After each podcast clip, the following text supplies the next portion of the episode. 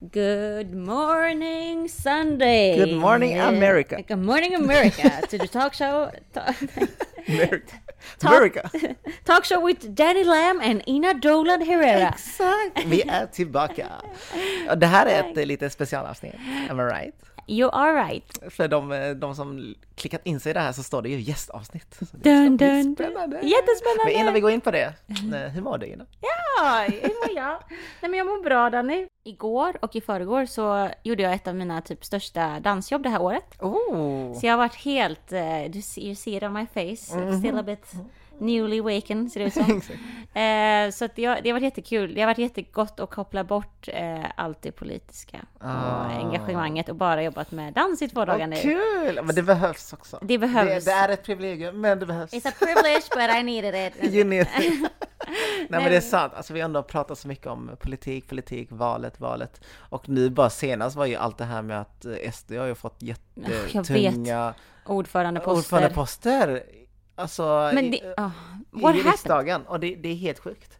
Det är en sån grej som man inte får glömma. Alltså, för det, jag märker det nu att så fort man inte läser nyheterna på typ två Mm. dagar och om man går in i någonting annat som jag nu gjorde. Det var viktigt. Jag, det var också jobb, det var mitt jobb. Alltså jag jobbade så jag behövde göra det. Mm. Dansjobbet. Men man behöver ta pauser för att hämta energi. Men när man tar de här pauserna, om Mm. man inte läser nyheterna, Då missar man så då missar man så mycket. Och också, vi får inte tappa mom- momentumet. Att Mm. SDs framgång och frammarsch fortfarande är så påtaglig. Och att de har fått så många ordförandeposter just nu. Mm. Det är ju på riktigt läskigt.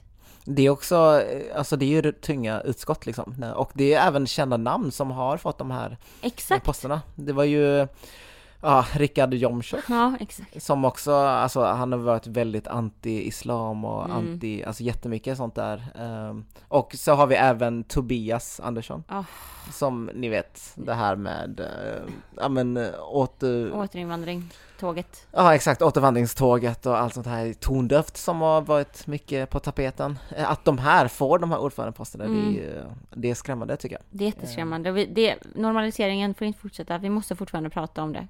Mm, att, precis. alltså liksom att, det, att deras rätt, alltså också att vad innebär det att det är just de här personerna som har fått de här posterna? Mm. Så att, eh, ja. Det har du gjort, Ja, jag du har missat med Jag det. har missat det. Nej men så mitt i allting i dansjobbet i, för, i, för två dagar sedan, när jag började Mm. läsa om det så bara, då kom jag bak, tillbaka till reality. Exakt. Men trots det, jag kände mig ändå, jag kände jag hämtat energi från det kreativa, så nu är jag återigen lite så här Mm. I det politiska. Skönt. Hur mår du? Jag var bra. Eh, Jag är, jag är ju typ senaste om en månad fokuserad på min tatuering. Som jag inte pratat om ännu. Nej, Men exakt! alltså grejen är att jag under sommaren så ville jag bara göra en liten tatuering Ja. i armen liksom. Eh, För att jag har, jag har bara haft en liten tatuering och det är liksom ett likhetstecken Mm. vid eh, handleden. Och det står för liksom equality, Ja. alltså equal. Ja, men jag kände bara, men jag vill ha något eh, som talar om mitt ursprung, alltså Mm. mitt kinesiska, vietnamesiska bakgrund. Så jag tänkte, ja men kanske en liten drake eller någonting på min högra arm. thing. Exakt! Och sen gick jag till eh, de här, eh, här i Göteborg, Ink Nation heter de. Och bara liksom eh, hade en sån konsultation, och bara pratade om vad jag vill ha. Ja. Och så sa de, okej men det kan vi lösa och eh, du får den här tatueraren, Sebastian liksom. Jag bara, okej vad kul. Och sen eh, sa han, ja men kom tillbaka om eh, två veckor för då har du tid då liksom. Mhm. Så jag kom tillbaka eh, och jag hade gjort massa research, kollat upp vem det här personen Ja. var.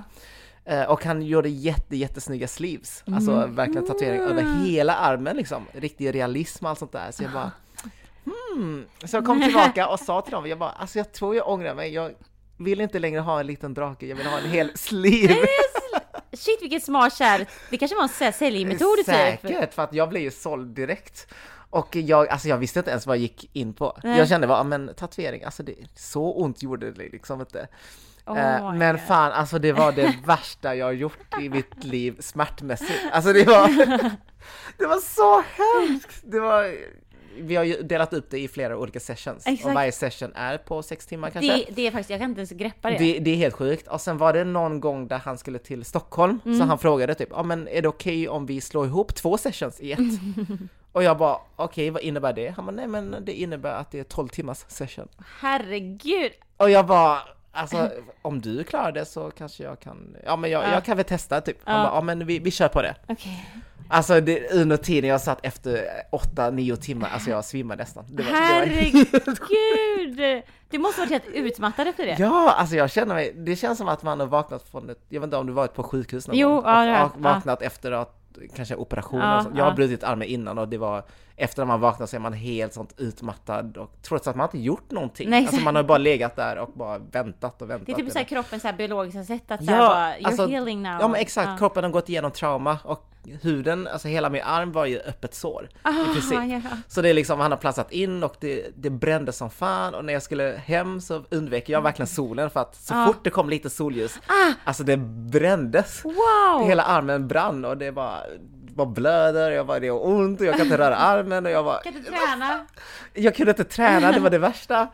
Så alltså det var verkligen trauma och jag bara, Nej! vad fan har jag gjort? Mina föräldrar vet inte ens att jag har tatuerat mig så här Va? liksom. Du har inte sett det? Nej, alltså kulturen eh, med tatuering i Östasien är lite så halvt tabu typ. Alltså det. Jag vet inte, du har väl sett mycket att i Japan så är det jättestrikt liksom. Mm. Eh, Då är det typ bara maffian som har det, alltså yakuzan liksom. Ja, det är också väldigt kulturellt också. Typ. Det är väldigt kulturell grej. Eh, Och sen handlar det också mycket om ja, men lite klass också. Ja, Alltså det är ju väldigt dyrt att tatuera sig, speciellt sleeves. Mm. Alltså det handlar om flera tiotusen spänn liksom. exakt. Och det här är ändå pengar som jag har sparat jättelänge för att jag ändå velat ha tatueringar. Ja. Men jag visste inte att det skulle bli så här dyrt. to be honest. Jag bara står där och ska, efter varje session ska blippa liksom pengarna. Jag bara fuck nu är jag fattig. Eh, så det har jag gjort. Trauma. Och Trauma. just nu har jag bara inner biceps kvar. Ja, du men den är jättefin nu. Du är den ju verkligen helt... Och där man ser ju början på ansiktet. Exakt, det är en kinesisk eh, krigare. Eh, en eh, kvinnlig vill jag ha med för att eh, Ja men också liksom eh, Just nu är armen full av med kinesiska liksom eh, Vad ska man säga? Ehm, ja men Vi har en kinesisk drake, en Ja. kinesisk tupp och Tempel? tuppen är, tuppen är på grund av att jag är född 93 Då är- Mm. Och draken är min syster, min nästa äldsta syster Som har liksom ändå hjälpt mig väldigt mycket när jag flyttade upp till Göteborg Ja. Som är boende och allt Nina. sånt där Ja, Nina, precis Så shoutout till Nina! och sen också ett litet tempel eh, Uppväxt med tempel och mina föräldrar liksom och sådär Så ja, ni får Alltså- se tatueringen någon gång när det är helt klart Men det är, en, det är en helt ny look på det. Du är liksom en Jag ny person typ. Alltså du är liksom, du har en helt liv. Det är helt sjukt, alltså jag, när jag ser mig i spegeln, jag bara, är det verkligen jag? Is it me? Det är jättesnyggt. Is it me? Men då är väl kontentan då, trots att din eh, kropp har gått igenom ett trauma, är du glad? Alltså, jag, jag tror att jag, det måste bli klart först innan jag är sånt bara, ah, nu är jag nöjd liksom. Jag fattar. Mm. Just nu tycker jag det är asnice, alltså jag tycker tatuering är så jävla snyggt. Eh, Men eh, fy fan smärtan alltså. När man it? ligger där efter fyra timmar, man bara, vad har jag gjort? Det här kommer vara permanent resten av livet. Ja det är sant. Det Och jag bara, ah shit, nej. Mm -mm, nej. Nu går vi vidare. Enough of me and my tattoos. Men i alla fall, välkommen till Tänkvatten med Danny Lamb och Ina Dolan!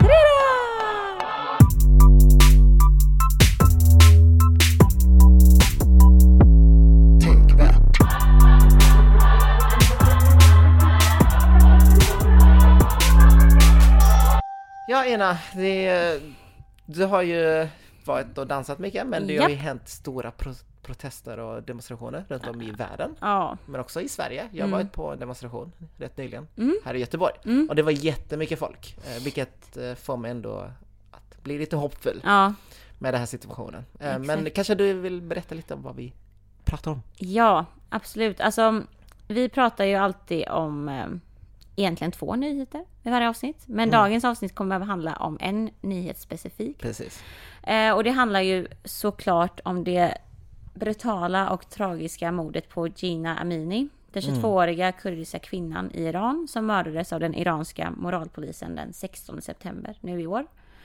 Och sedan dess, som du sa, så har det pågått stora demonstrationer i, i landet. De största på de senaste tio åren faktiskt. Och runt om i världen så har allierade visat sin solidaritet till befolkningen i Iran. För att det är ju så att i Iran så har det varit en... Den, 1979 så var den islamska revolutionen i Iran. Och sedan dess så har landets diktatur infört lagar om slöjtvång i landet. Och anledningen till varför just Gina Amini blev gripen av moralpolisen var för att det, hon ansågs bära slöjan fel på ett felaktigt sätt. Och sen tre dagar senare så var, hittades hon död. Så sedan den 16 september så har regimen stängt av internetet i landet och minst 70 personer har dödats i samband med de här demonstrationerna. Oj. Så att eh, dagens avsnitt ska handla om det. Mm. Eh, och Danne, vi eh, känner ju att vi vill ju prata med någon som liksom faktiskt har mycket bättre insyn i detta än oss. Mm.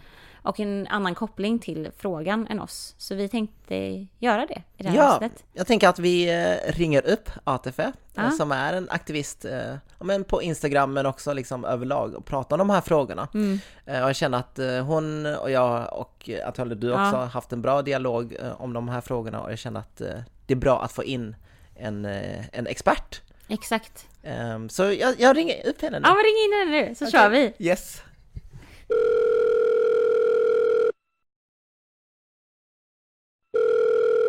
Hej, kul att se dig!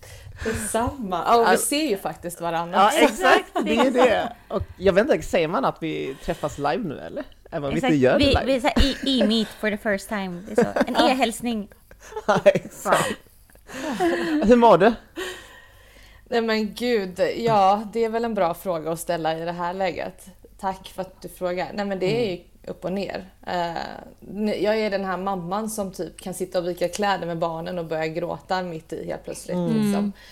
Eh, och sen typ, eh, jag vet att jag gjorde någonting häromdagen. Som, jag gjorde något tekniskt fel på någonting och då började jag typ skratta och sen kunde jag inte skra- liksom sluta skratta. Jag skrattade en, i min ensamhet i en kvart. Alltså gapflabba och bara Gud, folk måste tycka att jag dum i huvudet. Jag har typ nervös sammanbrott.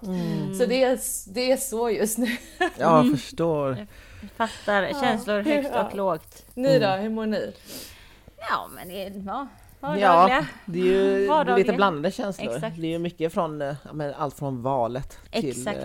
eh, just de här med protesterna, för vi har ändå varit ute och demonstrerat och så. Eh, Men vi har ju inte den nära eh, relationen som du har. Exakt. Eh, Så vi tänker, vi kan väl börja lite där eh, och fråga liksom, vem, vem är du?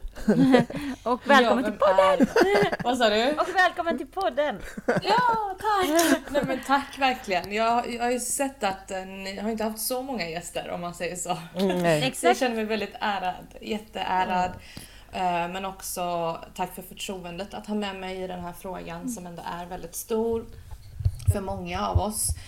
Um, Och vem är jag? Alltså, jag heter Atefe och jag är ju född i Iran. Och jag föddes för att min mamma räddades från att bli avrättad. Så hela min liksom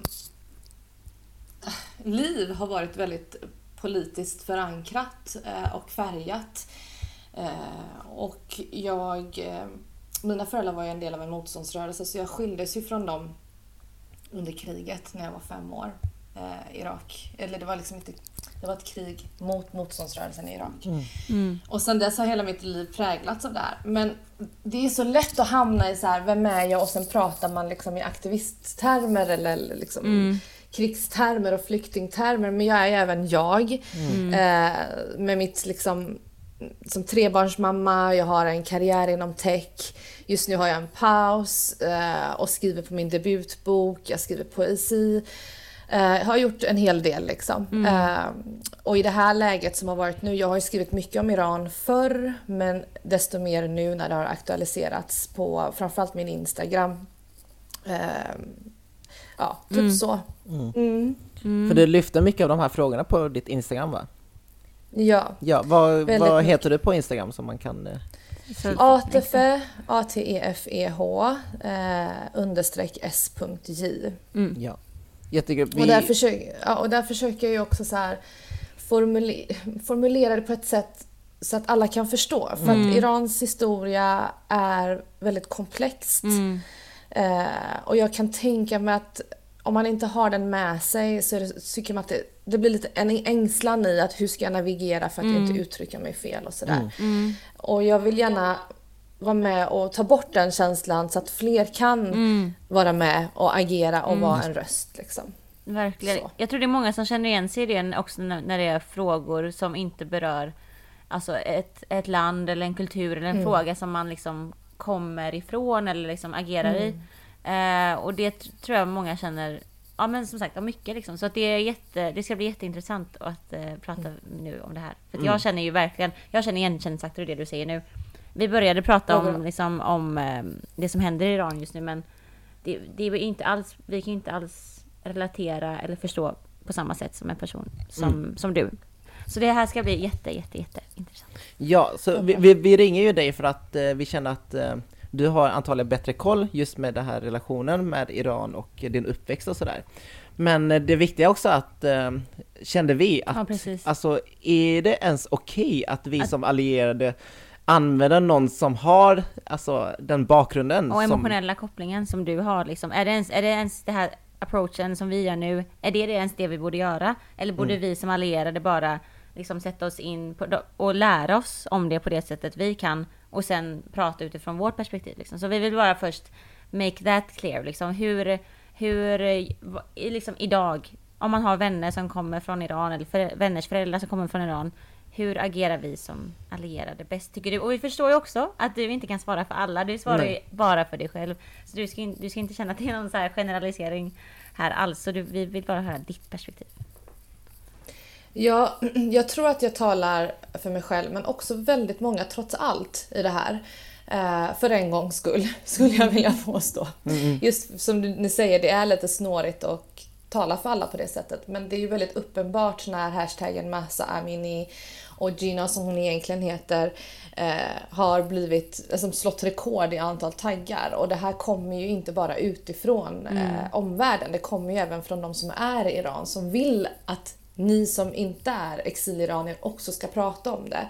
Så jag skulle vilja säga att er approach är precis det som ja, men, är önskvärt från många av oss. Och, eh, jag har fått frågor från andra så här, influencers som rådfrågar ja, men, kan jag uttrycka mig på det här sättet och jag hjälper gärna till med det. För att, så här, ni som pratar om det som inte har en ursprung i Iran, ni riskerar ju inte någonting. Och det är ju det här, jag kommer bli ganska känslig i det här, bara så att vi har made that clear. Ehm, för det är en känslig fråga. Men vi som är från Iran, vare sig vi är kurder eller baluch eller azerier eller vilken minoritet man nu än tillhör, eh, vi vågar ju inte alla gånger prata om det här.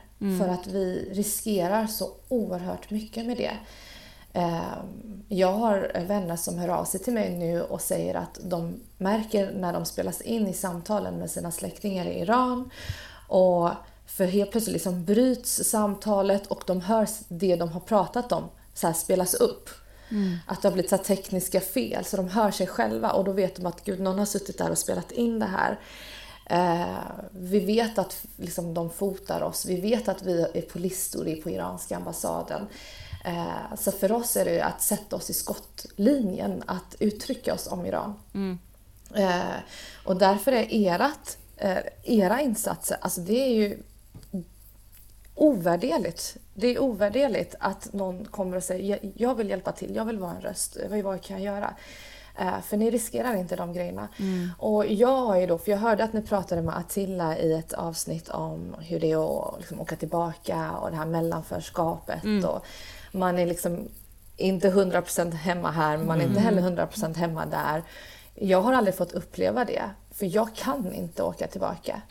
Eh, jag har ju alltid velat. Alltså det är, jag har uppfyllt nästan alla mina drömmar i livet, men ett är kvar och det är det. Eh, att en dag få känna liksom dofterna och smakerna och gå på liksom avenyerna i Iran och träffa mina släktingar. Eh, och för varje gång jag är högljudd och pratar om problemen så backar jag bandet liksom, eh, till att inte kunna det. Eh, och jag har försökt vara tyst och försökt att inte prata politiskt om Iran. Men det går inte när jag ser vad de går igenom och vad mina släktingar går igenom. Så det blev ett jättelångt svar, men det ni gör är, är, det är helt rätt om jag ska få säga så. Mm. Men jag, jag vill jättegärna fråga om, eh, du, du nämnde att, eh, liksom att man känner den här rädslan ju på grund av de här faktiska, alltså reella eh, riskerna som finns. Eh, känner du att, har det allt, liksom, har det ökat sedan den 16 september eller känner du att det har varit så under en längre tid? Det har alltid varit så. Det har alltid varit så för oss eh, som har flytt från Iran. Eh, och det är bara det att vi inte har vågat ens säga det. Mm.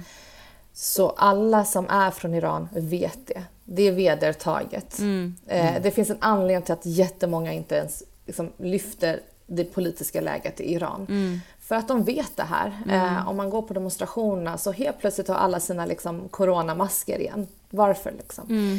Mm. Eh, jag, har, jag har ju alltid varit som sagt aktiv och jag minns redan, när kan det ha varit? Runt 2005 eller något sånt där. När en, eh, en kvinna som kom från Iran ganska nyligen då gifte sig med en person som brukade gå på demonstrationer. Och eh, hon var knappt själv med på såna här grejer. Hon var inte så aktiv politiskt. Men sen åkte hon tillbaka för att besöka sin mamma eller vad det var. Och blir alltså, direkt på flygplatsen blir hon arresterad. Eh, så det är liksom inte paranoia, utan det, är, det är så här det ser ut för oss, helt enkelt. Mm. Hur hur tycker du att, ehm, för jag tänker att det här är ju bara, det är ju en aspekt, men en jätte, jätteviktig aspekt som jag i alla fall upplever inte någonting som pratas mycket om liksom i, i traditionell nyhetsmedia. Sen så har vi liksom röster som din som liksom pratar om det här som får oss andra att, bli, att förstå att det är på det här sättet. Men hur upplever du att det här i Sverige rapporteras från traditionell nyhetsmedia om det som händer både i Iran just nu men också de upplevelserna som du beskriver just nu. Alltså det här att det här konst, den konstanta, det konstanta hotet typ, eller rädslan för hotet. Mm.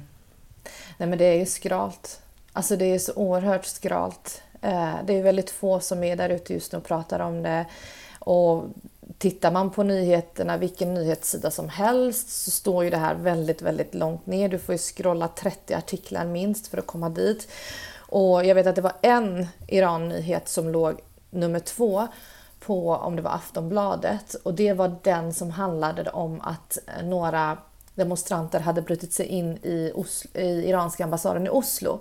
och det blir också det. så typiskt att så fort det blir en negativ kravall då hamnar det högst upp. När det handlar om någonting som skulle kunna ses negativt mot, eh, kring protesterna. Men när det handlar om eh, ja, men de här mänskliga rättigheterna, och det är ju brott mot mänskliga rättigheter som sker. Precis. Och då blir jag så här, är, det, är, vi, är vi tillbaka till närhetsprincipen eller Mm. vad är det som gör det? För faktum är att vi är jättemånga iranier i det här landet. Och kurder och balucher och azerier och alla andra minoriteter som finns i Iran. Vi, vi, det går till och med att räkna ut som en minoritet om man skulle vilja. Mm. Så många är vi. Eh, så jag, jag är i vanlig ordning väldigt besviken på rapporteringen. Men det är ju så här det alltid har sett ut. Eh, och sen fick vi något svar från en journalist som sa men det är ingen som läser det här. Och jag vet liksom inte vad som är vad. Vad är hönan och vad är ägget? Är Nej. det att artikeln ligger så långt ner så ingen ser den? Eh, är, eller är det verkligen så att så många är ointresserade? För jag ser ju att det finns ett intresse. Jag vet inte. Ja, alltså uppenbarligen finns det ju ett, ett, ett intresse tänker jag också, just att man ser ju alla demonstrationer runt om i världen, men också här i Sverige, att det, det är ju fortfarande aktuellt. Eh, vi ser ju att det ska vara en demonstration imorgon, eh, söndag då, eller idag till och med. Mm, idag är söndag. Ja, jag, jag är lite borta med dagen. Det blir Eller ändå idag? Idag. Eh, Demonstrationer och så, och jag känner att, eh, hur, hur känner du inför det? Att du ser att det finns många som är ute och demonstrerar och, och lyfter den här frågan? Ja, alltså jag, fick en väldigt... eh, Det var otroliga känslor igår. För man ska också komma ihåg att vi som är i exil, vi är också frukten av många olika motståndsrörelser. Så det vi, det vi har gemensamt är att vi är mot det som är. Men oss emellan så är vi som alla andra i Sverige. Vi har ju olika Ja, politiska falanger. Eh, Så oftast när vi har sett eh, demonstrationer tidigare så har de varit, alla har sitt, gjort sitt liksom, i sina silos. Men kanske har det skett tidigare men jag har missat det. Men i, nu så har jag sett liksom alla samlas. Eh, det är liksom royalisterna och det är kommunisterna och kurderna. Alltså alla är där för en gemensam sak. Eh, och det finns en otroligt... Eh, ja, men det är väldigt rörande att se att vi är i slutändan här för samma grej. Men sen lyser det ju med frånvaron av de som inte är eh, från Iran. Eh, och det blir också en sorg för att som jag skrev i ett inlägg, jag tror inte det finns någon i det här landet som inte känner en iranier eller en kurd. Nej, precis. Utan alla känner någon som drabbas. Eh, och mer än någonsin så har vi faktiskt för första gången dragit bladet från munnen och berättat eh, hur vi mår, hur vi har det, hur vi alltid har haft det. Så jag hade hoppats att det hade påverkat fler eh, ur ett medmänskligt perspektiv. Jag också, också lite synd att det ska behövas att man känner någon liksom, att man ens Mm. ska behöva liksom, ja men ha den relationen med någon från som, som man har bak, eller rötter från Iran. För att man ska gå ut och demonstrera och det, det är lite synd tycker jag. Mm. Ehm, men eh, de här demonstrationerna är ju inte helt eh, vad ska man säga, hotfullt fritt liksom. För att på ditt Instagram nämnde du ju mycket om eh, just de här spionerna. Vill du berätta lite mer vad det, vad det handlar om?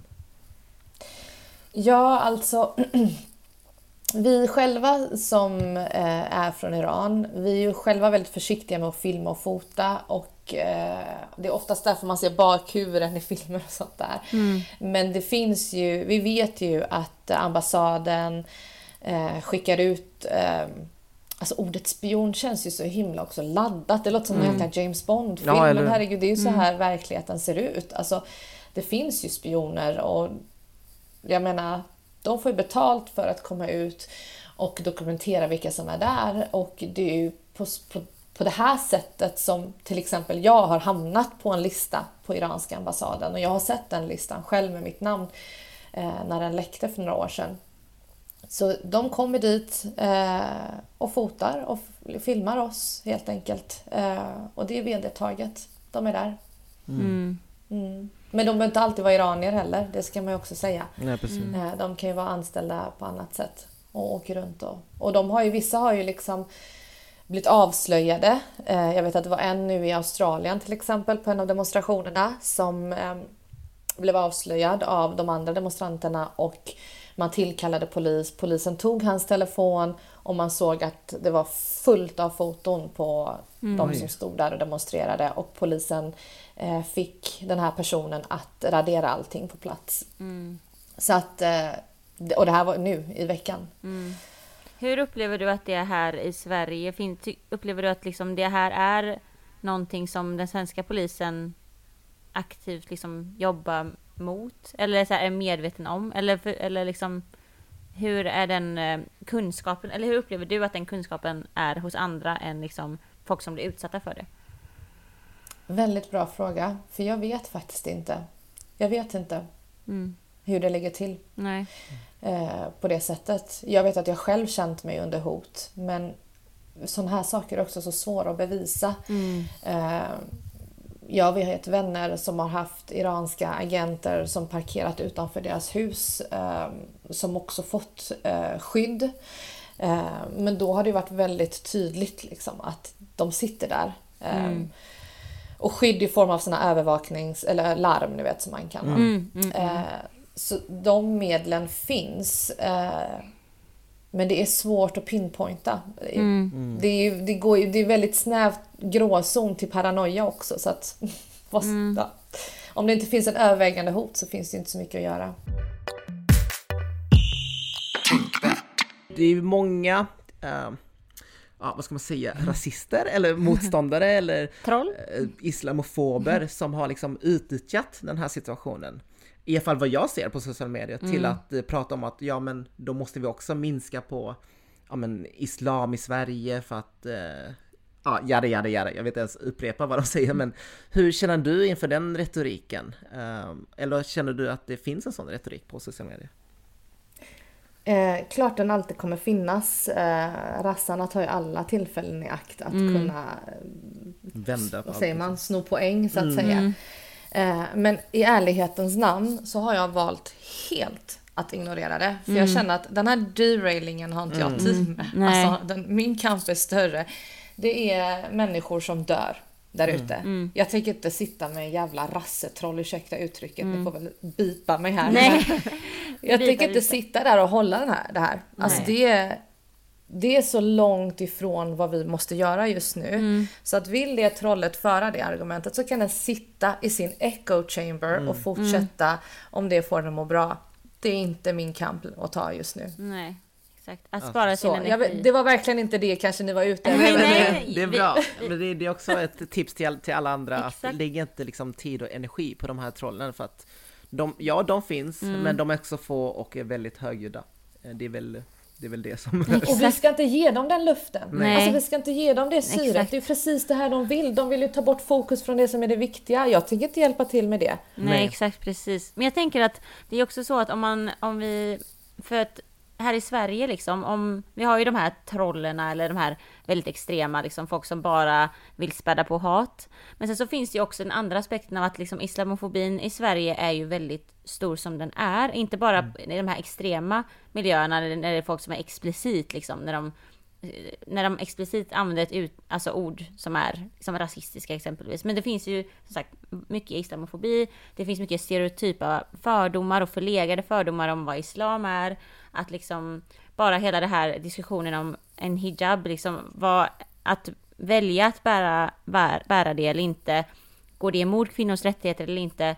Det är så himla mycket dubbelt i detta också bara på typ det här vardagliga konversationen. Så jag tänker att hur känner du att man borde prata om kritiken mot liksom det som händer i Iran just nu samtidigt som att man inte heller späder på de här islamofobiska fördomarna?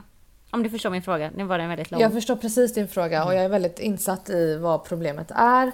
Och det är också en... eh, Gud vad jag kommer låta som en krass 90-årig kärring. Kör! Men- Det är det vi vill ha! Vi vill ha allt det där. Nej men det är faktiskt också en sak jag har valt att ehm, för nuvarande inte fokusera på. Jag känner till väldigt väl, av även personliga skäl, då jag har närstående som är hijabis. Eh, jag känner mycket väl till problematiken. Jag har haft många av de här dialogerna privat. Eh, Men valt att i offentligheten inte driva den frågan. Jag förstår... Det här är så snårigt. Eh, Så jag ska försöka lägga orden rätt. Jag förstår... ehm, eh, vad ska man säga? Problematiken man kan känna som en person som bär hijab att det finns personer där ute just nu som till exempel bränner hijaben. För mig blir det här också en eh, derailande av den stora kampen. Och jag har de här veckorna varit väldigt sorgsen över det fokuset. Eh, för att i det stora hela så kan inte vi som kollektiv just nu ta ansvar för vad vissa individer gör. Och det är inte, det är inte en vedertagen eh, handling att man bränner en slöja i de här demonstrationerna. Det har hänt. Det har även hänt här på Sergels torg i Stockholm. Men det är inte en vedertagen handling till att börja med. Nummer två är att i Irans fall så finns det en väldigt stark symbolik till slöjan för att det har använts som ett förtryck just i Iran. Och när då det finns exiliranier som i sin sorg, smärta och frustration väljer att sätta eld på det här så behöver vi också ta hänsyn till den sorgen och smärtan utan att rikta om strålkastaren till oss själva i vår egna personliga kamp. Jag skulle aldrig bränna en hijab. Eh, men jag tycker inte heller att ämnet ska handla om vad jag skulle göra och inte göra. Jag tycker att det är, vi måste hålla siktet högre än så än att välja att deraila den här, det här blodbadet till att handla om vem som känner sig kränkt i det här blodbadet. Eh, Så jag har varit väldigt sorgsen att det finns väldigt många influencers där ute som är hijabis. Som jag och många med mig har varit allierade fast det inte har varit vår personliga kamp. Hijab, islam är inte min personliga kamp, även om det är min medmänskliga kamp. Men jag har alltid stått bakom och bredvid och framför, you name it. Och jag har fått så mycket hat och hot genom åren för det som inte är min personliga kamp. Men i det här så är det tystnad. Från samma personer som vi backat. Och den tystnaden, den hörs. Och vi är många som hör den. Och det är trist att se det. Det är trist att se att man fokuserar om eh, strålkastaren. Det är ingen just nu som behöver ta den diskussionen i den här kampen. Så att jag, jag känner mig sviken av att vi har behövt göra det på det här sättet. Jag känner mig sviken av många som jag trodde jag var allierad med. Eh, man måste inte... Man kan hellre vara tyst än att rikta om fokuset. Även om tystnaden smärtar. Men rikta inte om fokuset. Var den rösten som så många dödas för just nu. Vi har Shervin, den här artisten, som skriver en sång fast han befinner sig i landet och han vet att sång är förbjudet. Han sjunger den här, sprider den, blir tillfångatagen och Gud vet om han lever just nu. Ska vi då fokusera på att det står några stollar och bränner en hijab? Precis. Så känner jag. Och jag har väl inte velat prata om det i sociala medier men nu säger jag det här. Nej, precis. Så. Ja, Kommer jag alltså bli jag, halshuggen jag förstår också liksom Mm. frustrationen sådär för att i, i grund och botten handlar det väl inte om hijab i sig. Nej. Eh, Att vi tar upp de här frågorna, det handlar ju om, om, en, om tvång, liksom, om eh, makt och om förtryck. Och Liksom. om mänskliga rättigheter bara. Ja. Att få liksom bestämma över sin egen kropp, över sin egen sitt attribut, sin kultur, sin religion eller vilken koppling det än kan vara. Liksom. Ja. Och det är någonting som man ser... Ja, förlåt, fortsätt. Fortsätt, nej nej nej, du är Nej. helt på rätt spår. Nej, men- inte... Man ser ju det på, jag tänker att det är mycket, man, jag har ju sett alltså, så många som lägger upp inlägg om att det här är en kamp, det handlar ju inte om i sig bara kvinnors rättigheter i, alltså, i situationen i i Iran. Det handlar ju bara om mänskliga rättigheter, alltså om att liksom vara fri från eh, diktatur mot en auktoritär stat, att liksom bara få lov att eh, få, ut, få sin rätt till frihet, helt enkelt.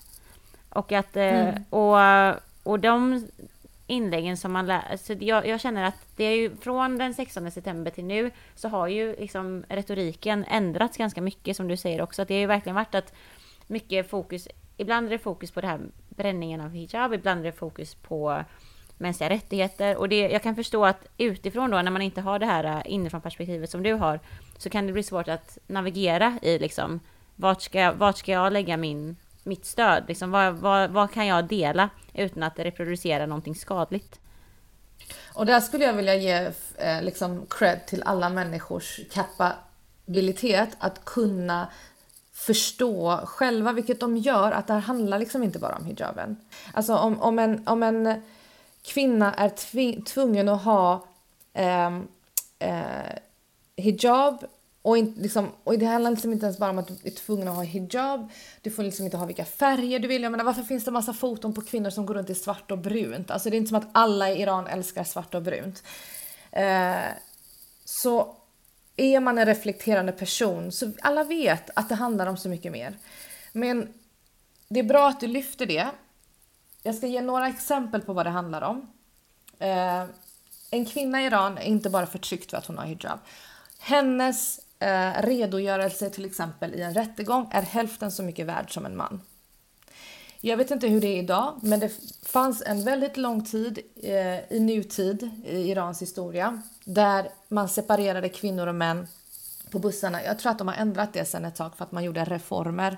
Och det ska vi också komma till, varför inte reformer duger. Eh, men eh, då var kvinnorna pass, passade till eh, vad ska man säga, ehm, baksdelen av bussarna till exempel, medan männen fick gå på där fram.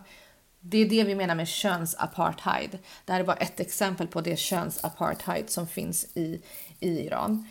Eh, hon får inte lämna ett land, alltså landet utan sin mans tillåtelse. Hon får inte gå och titta på sport. Alltså hon kan inte gå och titta på fotboll i ett, st- i ett stadion. Eh, hon får inte checka in ensam på ett hotell. Eh, hon får inte gifta sig utan att en manlig eh, eh släkting godkänner det. Och så vidare. Det här är bara några exempel på vad lite en kvinna är värd i Iran. Så hijaben är en symbol för allt som pågår just nu och det blev en symbol i den här, den här gången som det sker protester för att det utlöstes av Gina Masa Aminis död.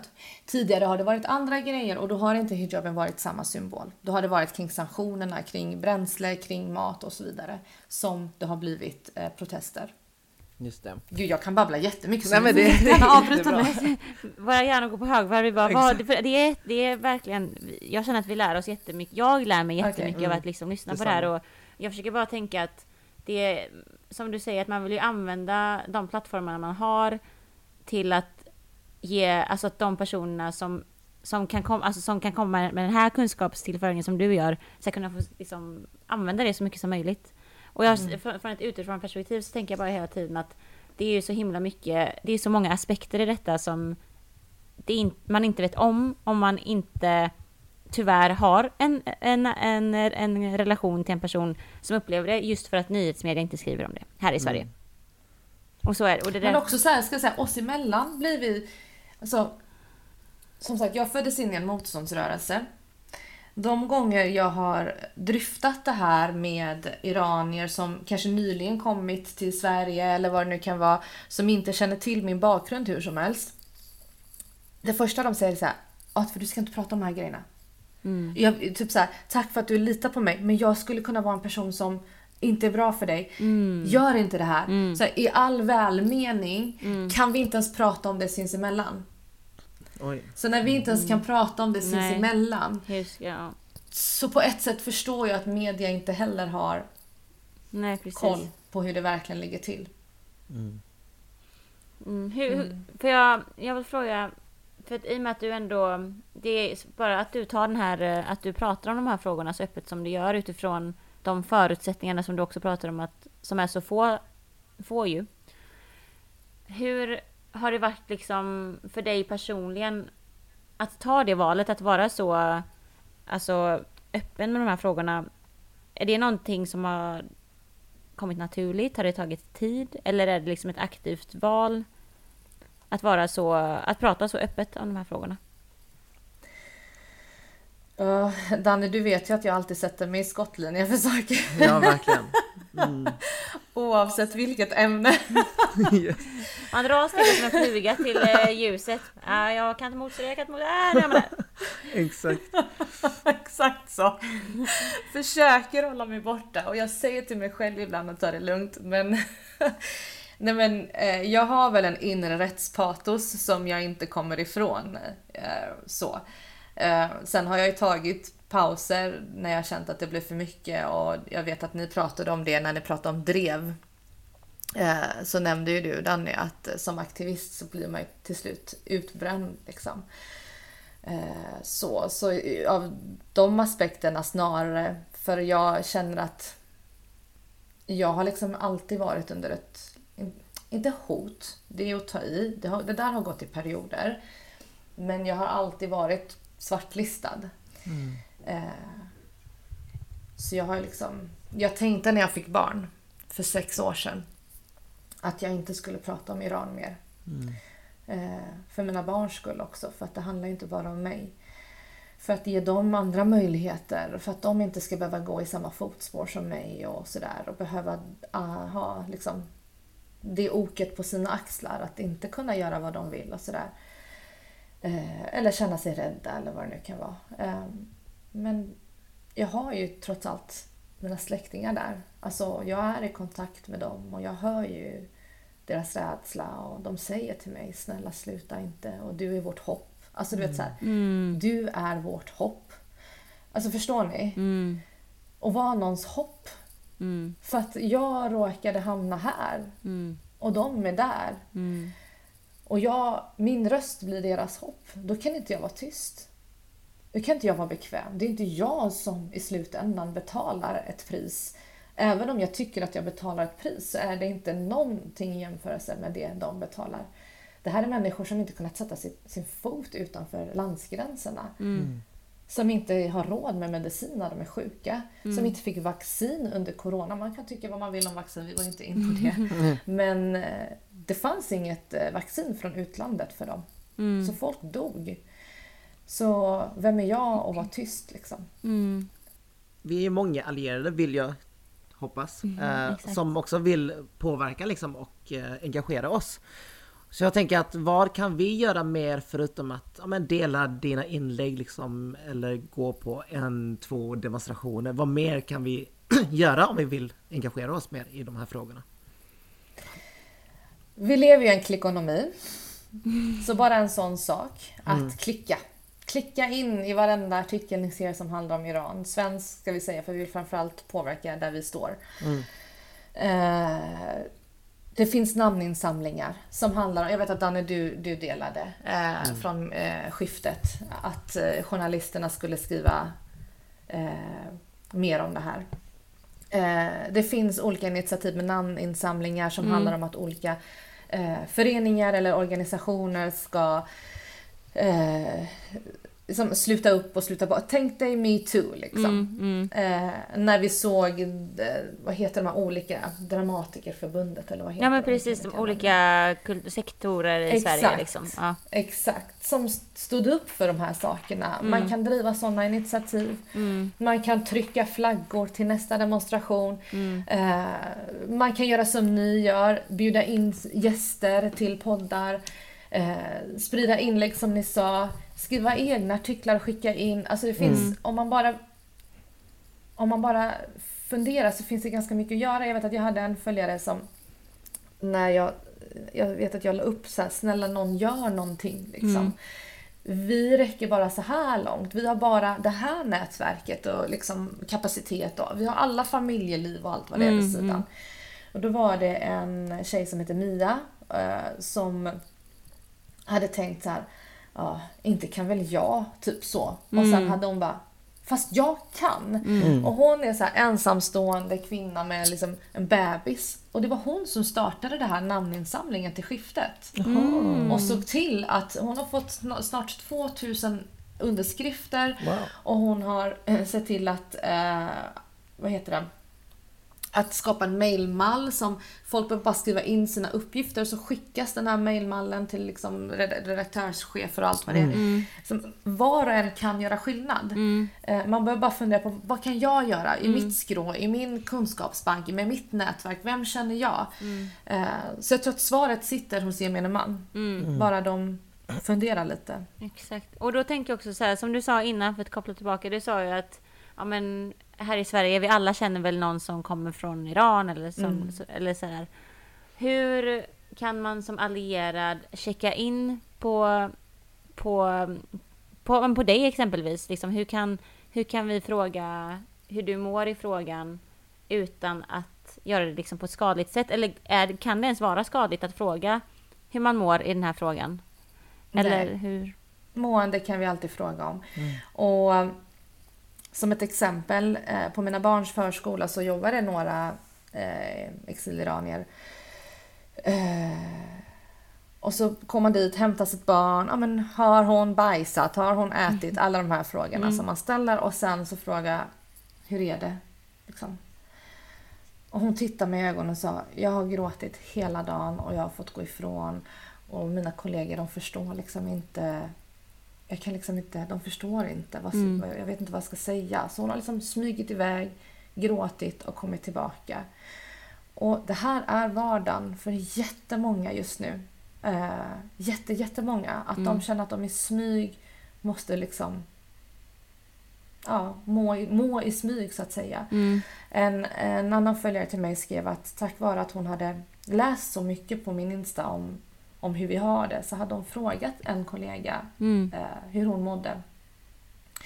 Och eh, det hade gjort att det hade fört dem närmre. De hade kramat varandra, hon hade börjat gråta och de hade liksom pratat om hennes släktingar, hur hon hade det. Och hon hade tackat, den här exiliranen hade tackat då min följare så mycket för att hon var den första på arbetsplatsen som någonsin hade ställt den frågan. Mm.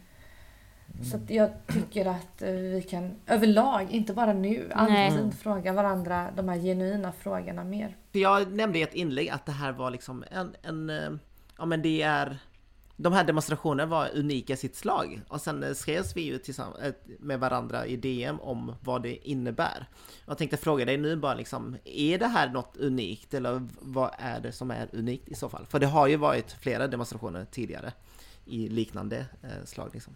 Så precis som du säger så har den här, de här eh, liknande protester uppstått eh, flertalet gånger tidigare. Redan under revolutionen 79 faktiskt, när man gjorde hijabtvånget så var det många kvinnor redan då som stod eh, emot det förtryck som höll på att hända.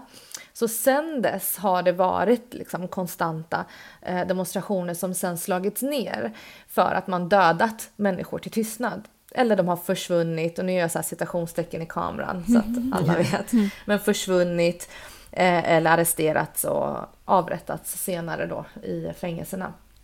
Det som är unikt i det här fallet är det mediala som sker just nu. Mm. Alltså, det är, om jag nu ska vara positiv för första gången under det här samtalet mm. så är det här, det är, alltså det är så fantastiskt att se.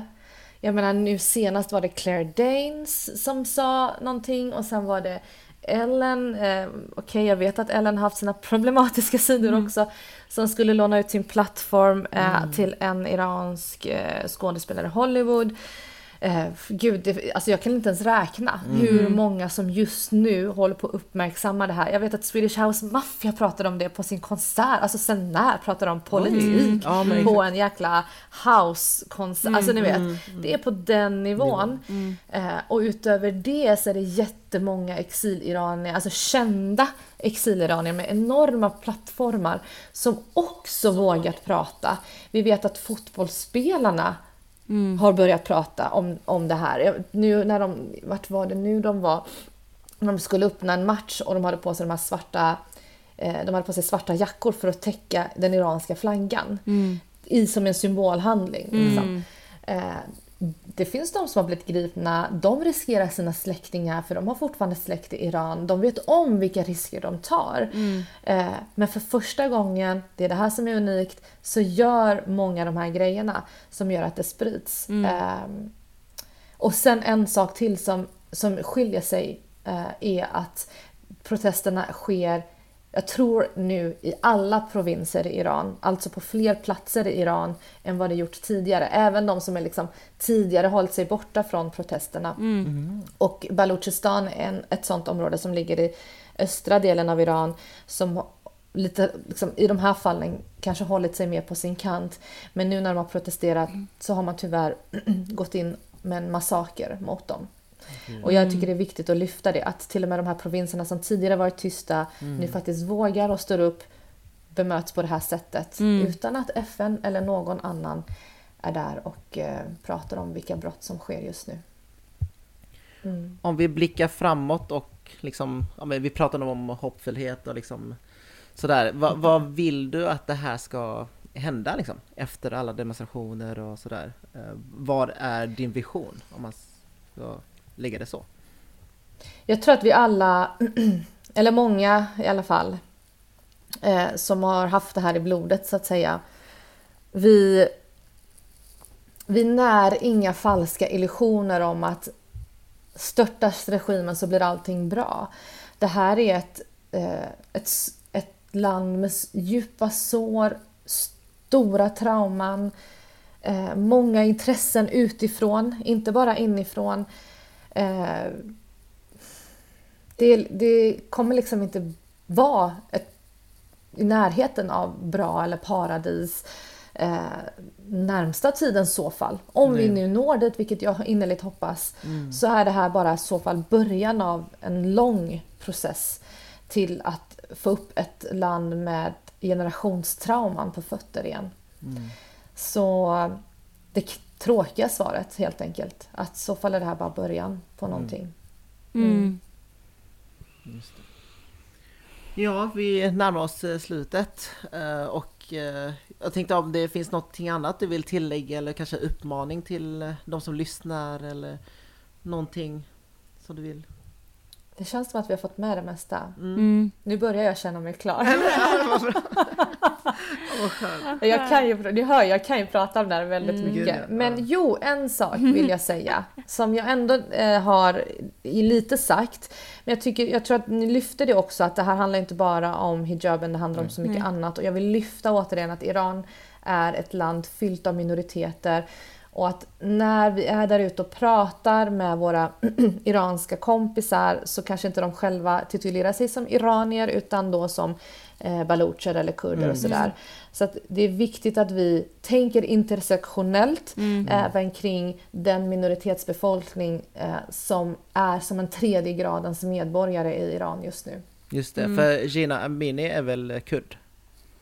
Precis. Så det är också en, en del av kampen att eh, synliggöra hennes identitet, tänker jag. För att hon har Precis. ju fått sitt namn till exempel eh, tagen och Mm. allt sånt där.